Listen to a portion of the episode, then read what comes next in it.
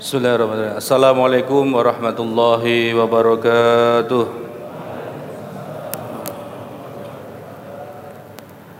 الحاضر نبي المصطفى سيدنا محمد صلى الله عليه وسلم وعلى آله وصحبه وذريته سيل لهم بسر الفاتحة أعوذ بالله من الشيطان الرجيم بسم الله الرحمن الرحيم الحمد لله رب العالمين الرحمن الرحيم مالك يوم الدين. إياك نعبد وإياك نستعين اهدنا الصراط المستقيم. صراط الذين أنعمت عليهم غير المغضوب عليهم ولا الضالين آمين. بسم الله الرحمن الرحيم. قل مصنف رحمه الله تعالى ونفعني بالدرني آمين. بسم الله الرحمن الرحيم. Ini laptop yang di sini tidak ada. Oh masih di situ. Di sana-sana sini tidak?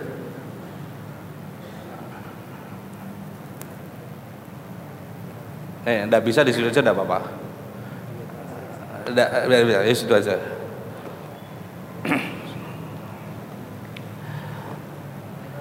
Alhamdulillah Alhamdulillahi adada ma khalaqa fis sama' Alhamdulillahi adada ma baina dhalik Alhamdulillahi adada ma huwa khaliq Salatu wassalamu ala asrafil anbiya'i wal mursalin Wa ala alihi wa sahbihi ajma'in amma ba'du.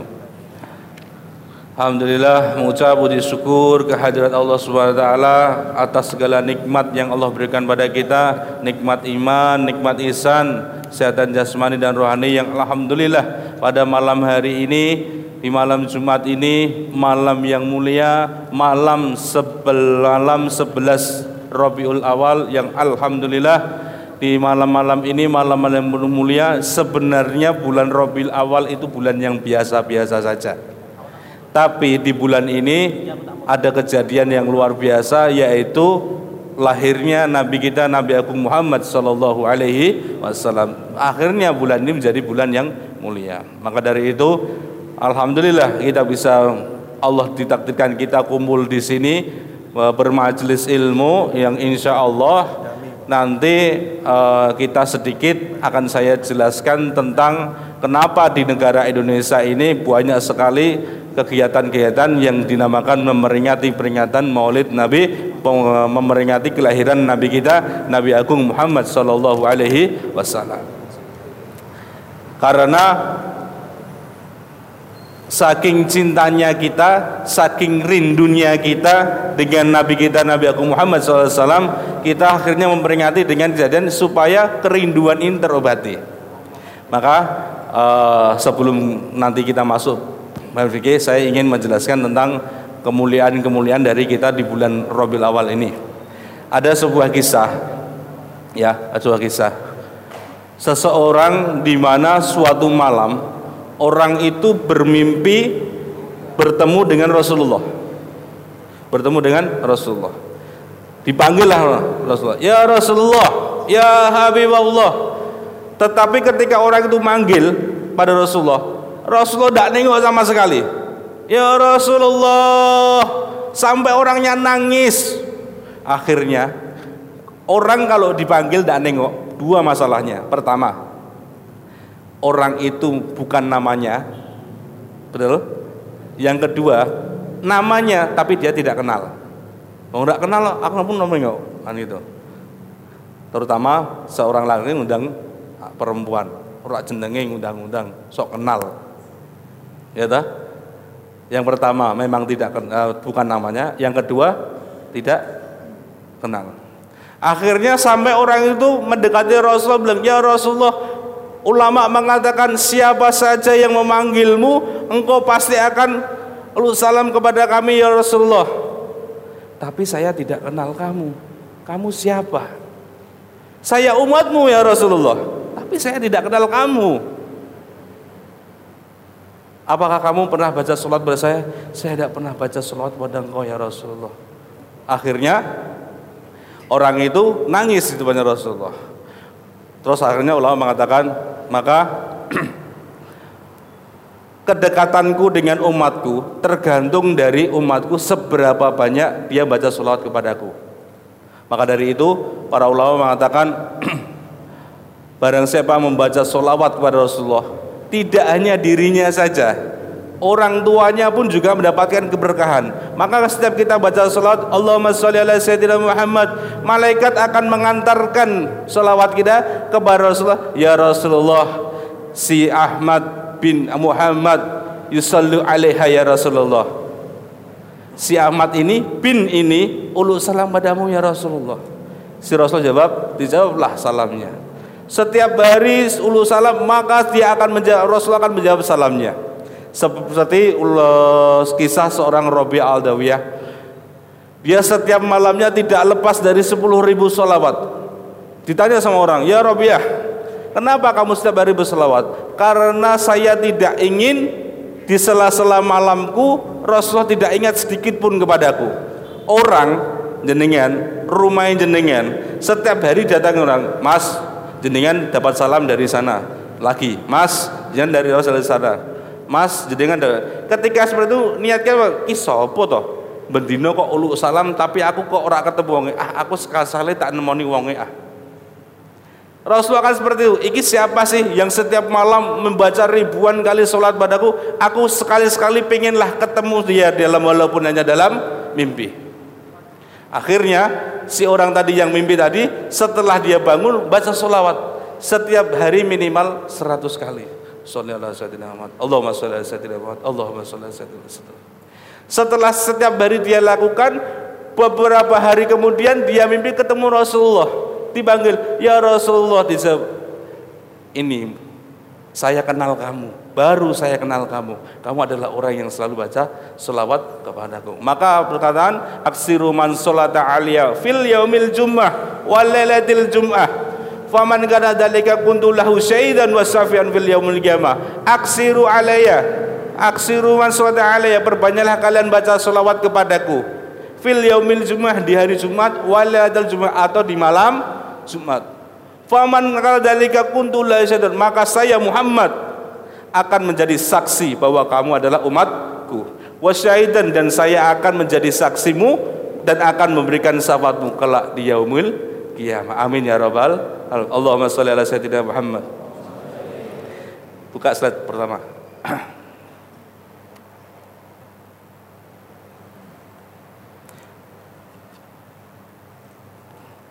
Dengan kalimat mahalul qiyam yang artinya adalah tempat kita berdiri. Orang mengatakan apa sih kalau para habaib, para ulama mengatakan ketika mereka berdiri. Saya jelaskan dan ini bukan bid'ah atau bukan larangan Syekh Tajuddin Asubki ulama yang hafal ribuan ratusan ribu hadis. Ulama yang hafal ratusan ribu hadis. Mempunyai santri-santri murid-murid yang terkenal. Salah satunya adalah di sini diterangkan uh, muridnya yaitu Ibnu Hajar Asqalani yaitu pengarang kitab hadis.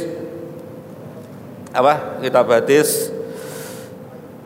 Apa mas Ibnu Hajar Asqalani punya hadis yang saya kaji dulu saya lupa kitabnya malah.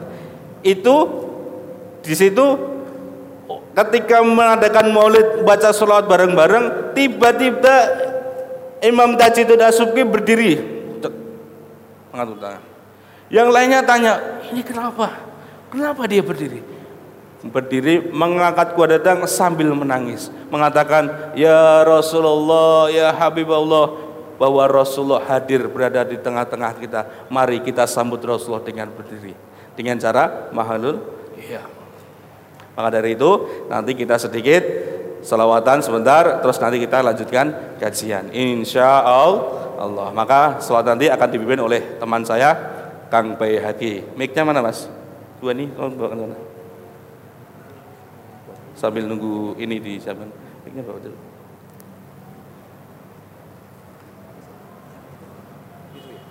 itu yang gondrong sama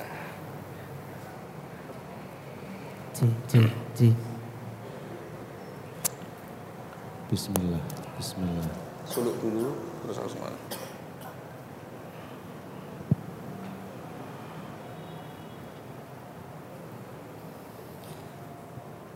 لو كان حبيب.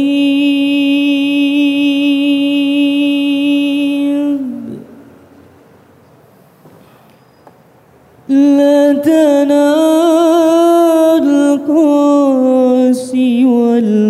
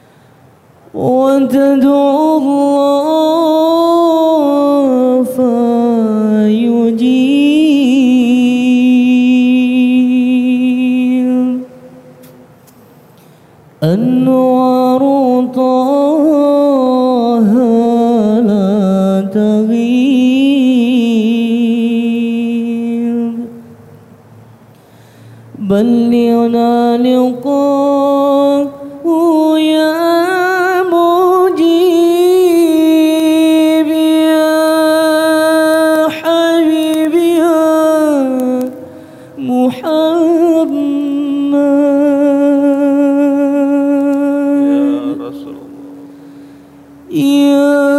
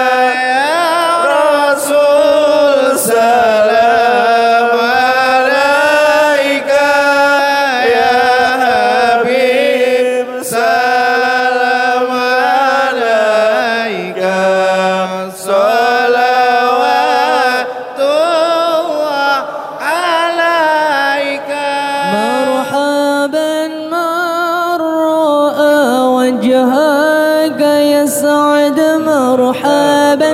يا كريم الوالدين مرحبا مرحبا. يا نور العين مرحبا مرحبا. زاد الحسين.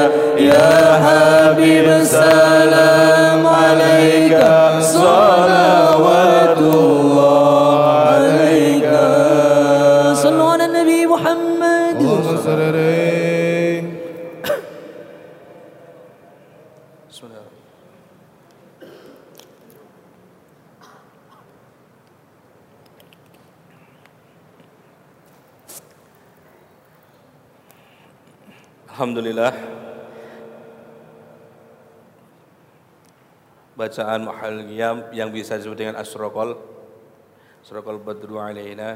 Di situ mengisahkan kisah-kisah tentang Rasulullah Pujian-pujian syair-syair yang indah Yang sudah kita rasakan kenikmatannya. Anta Samsun, Anta Badru, Anta Nur fauqomina nuri. Engkau adalah seperti rembulan Engkau seperti matahari. Engkau adalah cahaya di atas segala cahaya. Maknanya penuh luar biasa. Sehingga maka dari itu Rasulullah itu paling suka dengan Kalau dibacakan syair-syair yang merdu Insya Allah Semoga kita digolongkan orang-orang yang ahli salawat dekat dengan Nabi kita Agung Muhammad Sallallahu Alaihi Wasallam. Amin amin ya robbal alamin. Untuk selanjutnya uh, saya akan sedikit materi untuk kalian teman-teman bisa menyiapkan pertanyaan-pertanyaan yang ingin ditanyakan.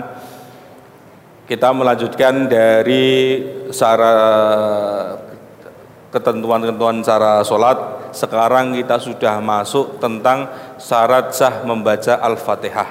Syarat sah baca Al-Fatihah. Ini Fatihah adalah salah satu rukun kauli, rukun pengucapan ya kan ada rukun fi'li ada rukun qauli fi'li itu perbuatan qauli itu pengucapan dan rukun qauli ini tidak boleh salah sedikit pun uh, kok medeni teman untuk salah blas terus gimana no. Makanya supaya tidak salah kita perlu yang namanya belajar Insya Allah kalau dengan niat kita belajar Allah akan mudahkan kita dulu saya pernah cerita ketika di pesantren Al-Fatihah saya belajar kurang lebih tiga minggu. Al-Fatihah setiap pagi. Jadi setiap babar subuh setoran Al-Fatihah. Salah mana? Saya sok baleni mana? Al-Fatihah, ulangi lagi. Al-Fatihah, ulangi lagi. Sampai betul-betul makhraj tasjidnya, hurufnya sampai betul. Karena apa? Untuk menjaga keabsahan, kesahan dalam sholat kita. Jadi ketika baca surat Al-Fatihah, ya, surat Al-Fatihah, ketika dilagamkan dengan bentuk apa pun silahkan asalkan tidak merubah dari koridornya tidak merubah dari koridornya. Tadi pembahasan bacaan fatihah banyak sekali. E, kalau di teknik kira itu ada nahwan ada macam-macam lah. Saya bukan orang korek tidak bisa. Yang tadi Mas Bayaki itu suaranya eh, melangking-melangking gitu ya. Tinggi sekali ini suaranya Mas. Aku naik keduren wedi naik ke samluk pesawat tidak sah dur. Faslun surutul Fatihah. Syarat-syarat kita baca Fatihah itu ada syaratnya. Perlu diketahui. Yang pertama adalah tertib, jelas itu pasti, ya. Nah mungkin jenengan baca sholat baca Fatihah fi walik. Gitu.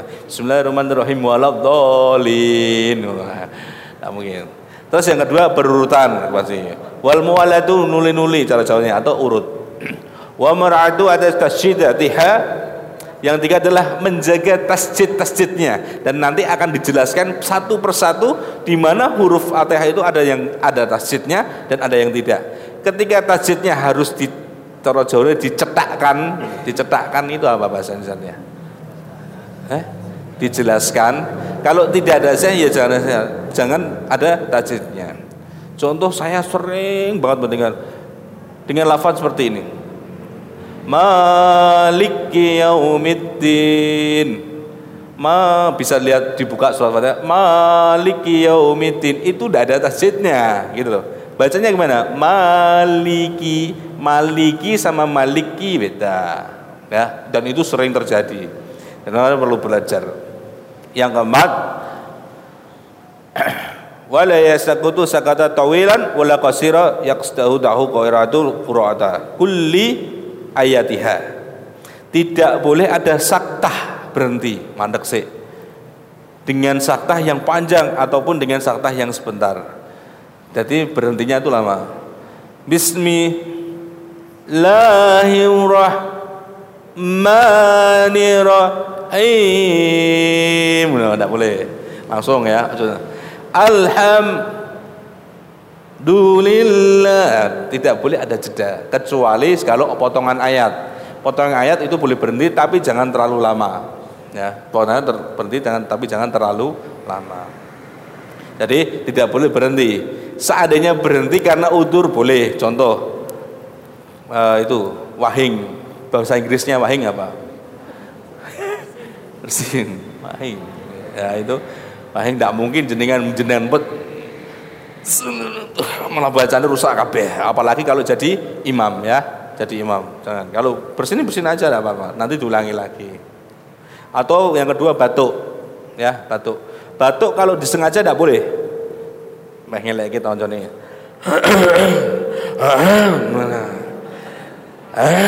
Karena kalau kita dehem itu mengeluarkan huruf loh.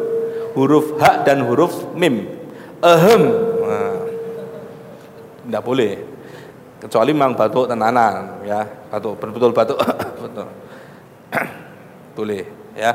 Contoh baca surat fatihah ada yang ganjel di sini ya. Ada yang ganjel. Terus di gua aja lagi koncone. Itu boleh ya. Boleh. Tapi kalau apa namanya batuk karena disengaja, tidak, tidak disengaja karena memang bendam-dam tidak boleh yang kelima wa minha basalamah wa adam lahan wa bil makna wa ayat wa astawila qadata qur'adal qur'adal wa kulli ayatiha. Tidak boleh ada saktah sebentar dengan maksud tujuan memutus bacaan surat. Dia tidak boleh ada berhenti dengan uh, apa namanya pengen berhenti karena itu potongan ayat terus berhentinya terlalu lama tidak boleh Bismillahirrahmanirrahim suwi banget menang saya Alhamdulillahi rabbil alamin. Mantap nih. Kuwi mamume nek cerak sabar dikeplak imame mungkin. Jawaban langsung. Wa minha basawata ada malahna wa makhlabil makna. Yang enam yaitu harus membaca seluruh ayat Al-Fatihah termasuk harus membaca basmalah. Saya kalau nerangke ini mesti kadang anu banyak pertanyaan saya ini ada yang baca bismillah, ini yang disir, ini yang dijahar, wah macam-macam ya. Fikih itu macam-macam. Yang penting orang senggol-senggolan ya. Tetap santai wae. Yang baca bismillah ya monggo, yang bismillahnya disir juga monggo, yang tidak baca ya monggo. Tapi kalau pendapat nanti saya di slide selanjutnya akan ada penjelasannya ya. Karena kalau di ini menurut mazhab Imam Syafi'i basmalah itu termasuk masuk dalam ayat surat eh, masuk dalam surat Al-Fatihah. Yaitu ayat berapa? Satu atau pertama. Wadamul lahnal makhalal bi makna. Tidak boleh ada lahan atau bacaan itu yang merubah makna. Ya tapi tadi maliki yaumiddin, mali maliki yaumiddin beda. Jadi paling tidak panjenengan punya guru yang untuk mentaskehkan Al-Fatihahnya jenengan. Sudah betul belum kira-kira Al-Fatihah saya? Itu perlu guru. Karena kalau tidak punya guru, mungkin kita merasa jenengan baca terus direkam terus oke, wah itu bener bocoranku. Sampai iya. Suaranya mirip kayak Kang Beaki mau kui mau mirip. Suaraku sama suara dia itu memang api suara dia. Nah, ini ngeluh hake-hake. Terus yang terasnya wa yasama nafsahul Qur'an harus dibaca ketika berdiri pada sholat fardu bagi yang mampu. Kalau tidak mampu ya boleh tidak berdiri, boleh dengan duduk, boleh dengan tidur kalau bagi berdiri. Yang selanjutnya wala yatakhallala dakara eh, eh wa eh, Qur'anul tidak harus bisa mendengar bacaannya. Maksudnya gini, tidak boleh dibatin ya bacanya ya. Allahu Akbar. Ngono tok, gak krungu blas ya. Allahu Akbar. Lho semacam wis Kapan wis apal Paling tidak kita dengar, paling tidak kita dengar. Bismillahirrahmanirrahim. Allah Walaupun itu sholat duhur ataupun sholat asar. Bismillahirrahmanirrahim. Alhamdulillahirrahmanirrahim. Sama juga dengan takbir itu ya. Takbir itu paling tidak teman sebelah kita itu dengar kalau kita takbir. Yo yo coba banter-banter ya aja alon banget. Allahu akbar. Nek kok banteran medeni, jenengan salat telat. Jamaah telat diceritani. Cik ruku cek ruku. Eh sujud, kok ruku sujud. Jenengan meh jenengan mau ikut sujud juga, tapi takbirnya banter. Allahu Akbar. Wah lo, ngerti nih sing mau oh ngadeg. Lho kok durung ngadeg Ning ih durung ngadeg iki linggune turune. Biasa Allah Akbar. Kok surane imam ngono, ndak boleh. Sakit lah, mau pas ngadeg lho, cek sujud sujud nih ya. Yang terakhir syarat sahabat al-Fatihah yaitu tidak boleh menyala dengan dikir yang lain. Tidak boleh menyela dengan dikir yang lain. Bismillahirrahmanirrahim. Astagfirullah Astagfirullah Astagfirullah, Astagfirullah. Alhamdulillahirabbil Alhamdulillah Alhamdulillah Alhamdulillah, Alhamdulillah. Tidak boleh. Janjane jenengan ya sudah tahu pastinya. Baca surah Fatihah itu bisa tahu. Tapi biar lebih tahu lagi di mana Al-Fatihah itu kuncinya satu perlu kita taskan dengan orang yang betul-betul sudah paham tentang surat Fatihah. Paling tidak menyangkut apa? Kalau kita sendiri pasti merasa kalau kita sudah betul. Cari guru banyak. Bisa ke Habib Muhammad atau ke siapa, bisa ke tempat saya. Nanti ada beberapa teman yang ngajari seperti seperti suaranya uh, Kang Bayaki. Wah, enak suaranya itu. Jajal Mas, surat Fatihah Mas, ini Mas. Sing lagunya sing leo tapi. بسم الله الرحمن الرحيم. الحمد لله رب العالمين. الرحمن الرحيم.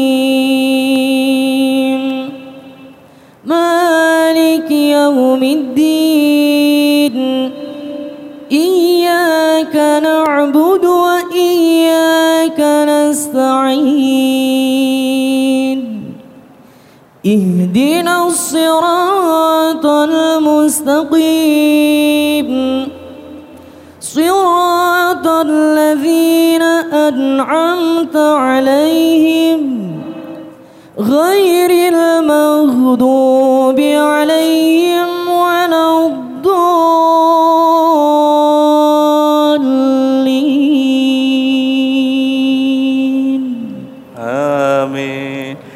Surat raweh ngono kuwi makmume kabur.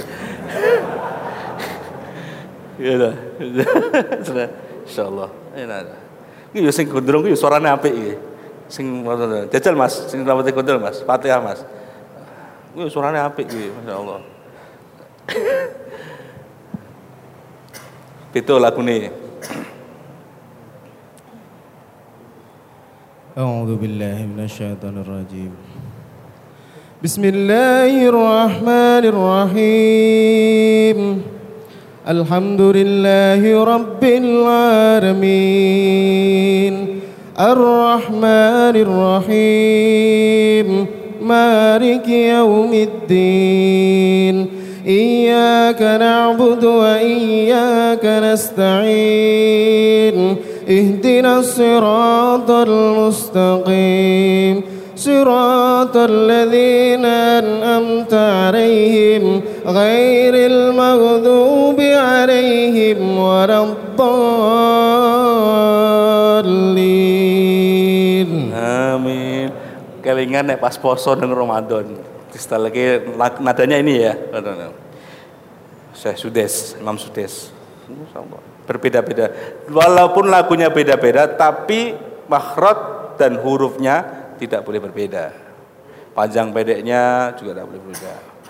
sering terdengar ketika baca iya kena saking fasih ya semua iya kena budu iya kena stain huruf y itu tidak ada kalau dalam huruf alif bata. Adanya apa? Huruf ya. Jadi iya bukan iya. Perlu diperhatikan lagi ya. Iya bukan i iya banyak masih seperti itu kalau orang desa lu ngeri lagi Bismillahirrahmanirrahim. Oh, nah. Alhamdulillahirabbil alamin. Ar-Rahmanirrahim. Oh, nah. Sering ya seperti itu ya. Meh ngeleke wedi salah. ngeleke digere gaya ngono. Mulah kok iso iso wae ngono. Nah, ya gimana lagi ya jadi orang sepuh kan kita masih muda perlu belajar ya perlu belajar paling tidak Al-Fatihah. Kenapa? Karena Al-Fatihah sebagai pedoman kita, pegangan kita yang kita baca minimal sehari berapa kali? Berapa kali? Lima? Sing mocone sedina ping lima kebangetan. Yakin wis. Waca Fatihah sedina ping keba ngono kok jaluk jodoh sing soleha. Alah, angel to dadah. Ya benar lah, sehari Fatihah berapa? Maksudnya dari sholat lima waktu tok jangan lebih harusnya. Ada sholat-sholat berapa kali? Yes, gitulah. Ya, so dites Fatihah satu-satu. Ini tanggungannya Cah Hijrah ngetes satu-satu. Dia bisa ada kelas tasin ya. Setiap hari Sabtu sama Ustadz Ikut Sabtu sore ya daripada jalan-jalan ke Lamber ngaji. Sama Sabu Bal tidak sensat saya tolong disimak Fatihah saya sudah betul atau belum? Ngono gitu nih. Nah, sudah betul Alhamdulillah. Kalau belum betul berarti harus belajar.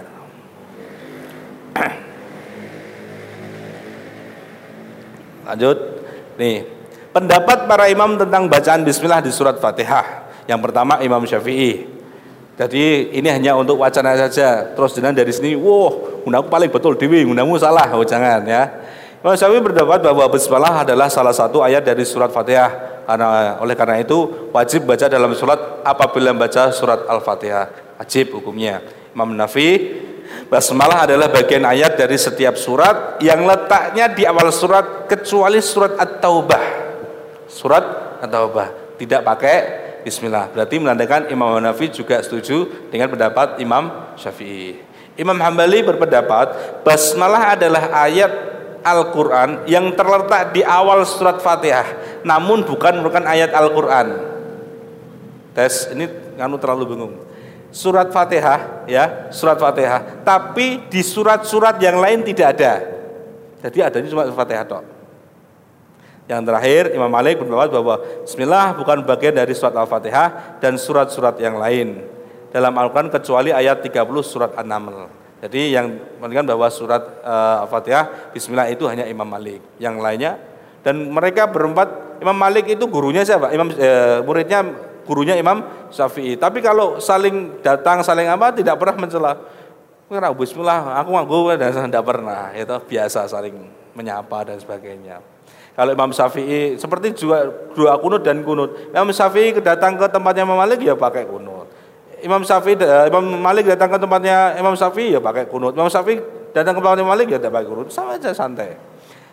Kalau imamnya kunut, makmumnya juga ikut kunut. Ojo malah manu walian gitu. Tak kadani meneh, tak baline engko ndak guyu jamaah salat gitu, lurus.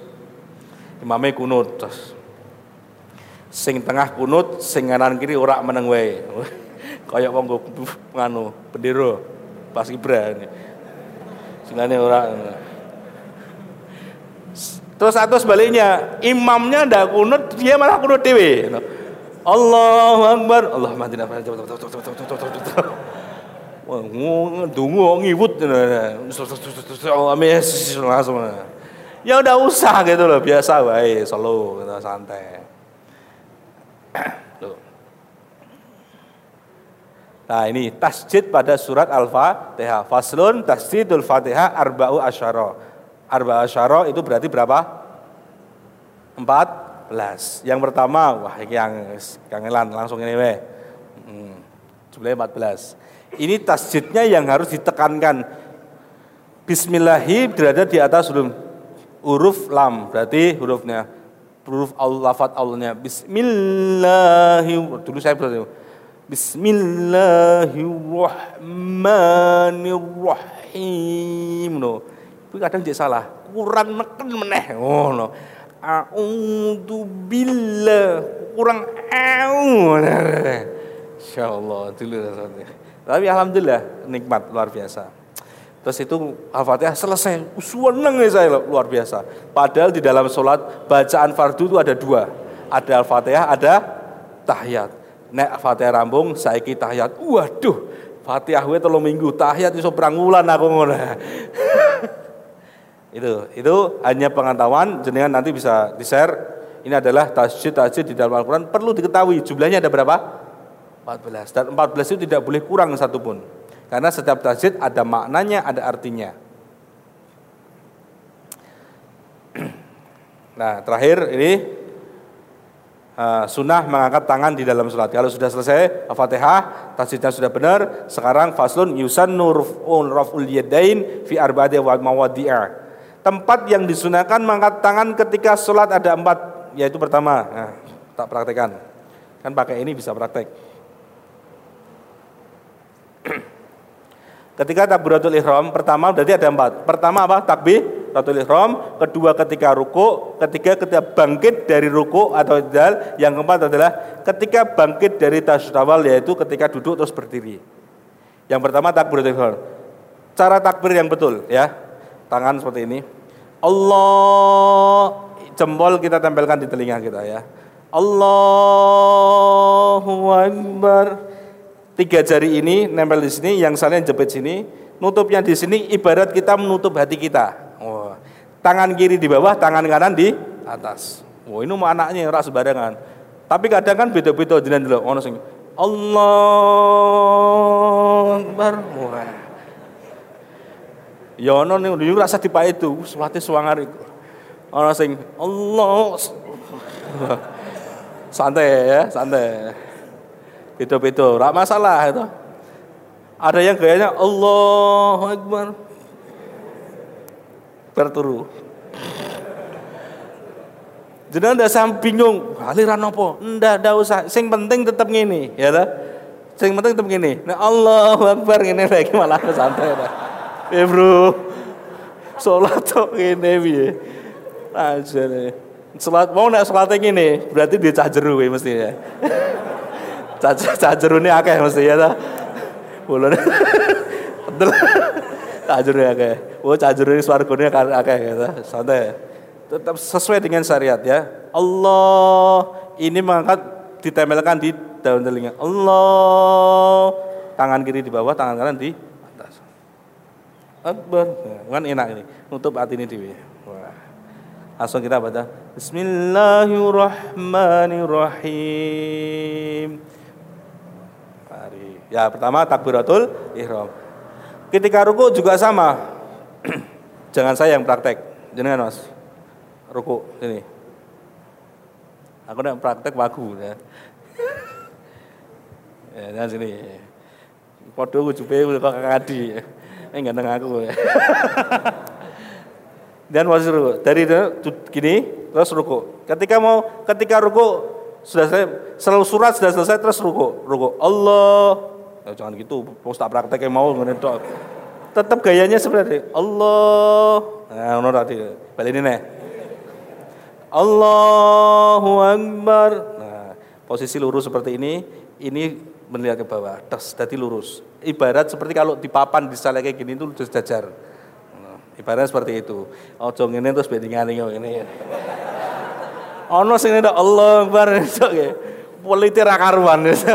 Rukuk Allah itu gitu. Dan ada lagi yang ini nempel di ini polokan kamu tangannya di sini di mata kaki. Nah, ada yang seperti ini. Saya khawatir kalau kesenggol, cungkel ya. Allah, wah. Kenapa mas? Kungfu. ruko ya, sudah ruko, terus bangkit ketika ruko. Sami Allahu liman hamida. Nah, sama, gayanya tetap tadi.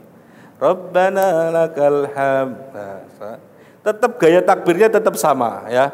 Mau takbiratul ihram, mau ketika ruku atau mau itidal ya. Terus terakhir yaitu ketika bangkit dari wah katanya bangkit ya, berdiri loh. Bangkit dari kubur, berdiri. berdiri dari tasahud awal. Coba tasahud awal. Nah, terus kaki kiri ditunjuk, kaki kanan nah. Terus bangkit Allah Akbar. Nah, diangkat lagi. Kuwi sing salate sregep ya, tenanan maksudnya kadang ono sing duwe cah jero barang mau ya. Ya, duwe cah jero mau. Lagi tiga dulu, lu wis bar, ngapal salate. Apal loh ada, ada ya seperti itu ya. Itu tadi. Memang pada malam hari ini saya tidak begitu banyak materi. Selanjutnya akan e, tanya jawab. Sebelum tanya, e, tanya jawab, saya menginfokan, saya undang teman-teman Cah Hijrah untuk besok hadir Jumat 8 November berarti besok ya malam pada isya di rumah saya di Majelis Taklim Ulul Albab e, insya Allah peringatan Maulud Nabi yang dihadiri oleh Habib Hamid, Habib Hasan Turwi, ada Ustaz Riyad, ada Kang Burhan dan macam-macam dan insya Allah kita selawatan bareng-bareng di sana di rumah saya juga sekalian hall dari ibu saya. Saya undang dengan semua, dicatat tanggalnya sudah lali. Nanti kalau minta share lokasi bisa lihat di Instagramnya Ulabab.